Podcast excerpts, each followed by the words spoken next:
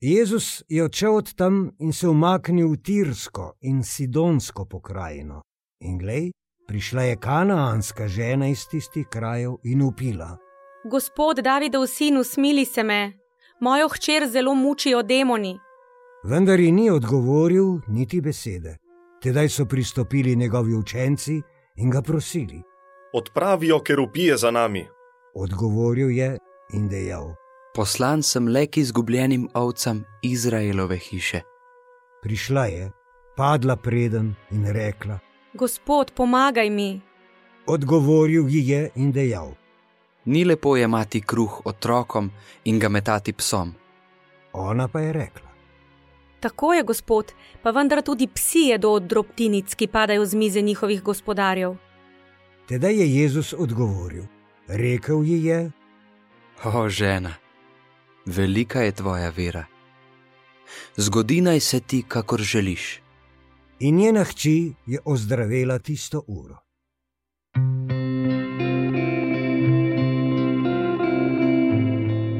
Včeraj smo se srečali z učenci, ki rešujejo svojo stisko brez Jezusa. Nam se obrnejo šele takrat, ko so povsem nemočni. Morda se Jezus ne odzove, ker čaka, da se obrnejo na njega. Kakorkoli, tudi v današnjem odlomku se Jezus ne odzove na ženino prošnjo in molči. Ženi, ki je že zelo preizkušena, da odgovor, ki nas preseneti. Povej, da je kruh namenjen za izvoljeno božje ljudstvo in ne za pogane, ki so jih Izraelci imenovali pse. Ko preberemo zgodbo do konca, se nam razjasni pogled. Jezus noče žaliti žene, ampak jo izziva, da bi izrazila svojo močno viro. Božji molk je torej večkrat le orodje, da ozavestimo in obesedimo to, kar je v našem srcu, da ustrajamo v goreči prošnji, da izrazimo svojo viro. In potem se Gospod oglasi in deluje. Zahvali se Jezusu, da se v svoji modrosti kdaj navidezno umakne, da bi se tvoja vera prečistila in okrepila.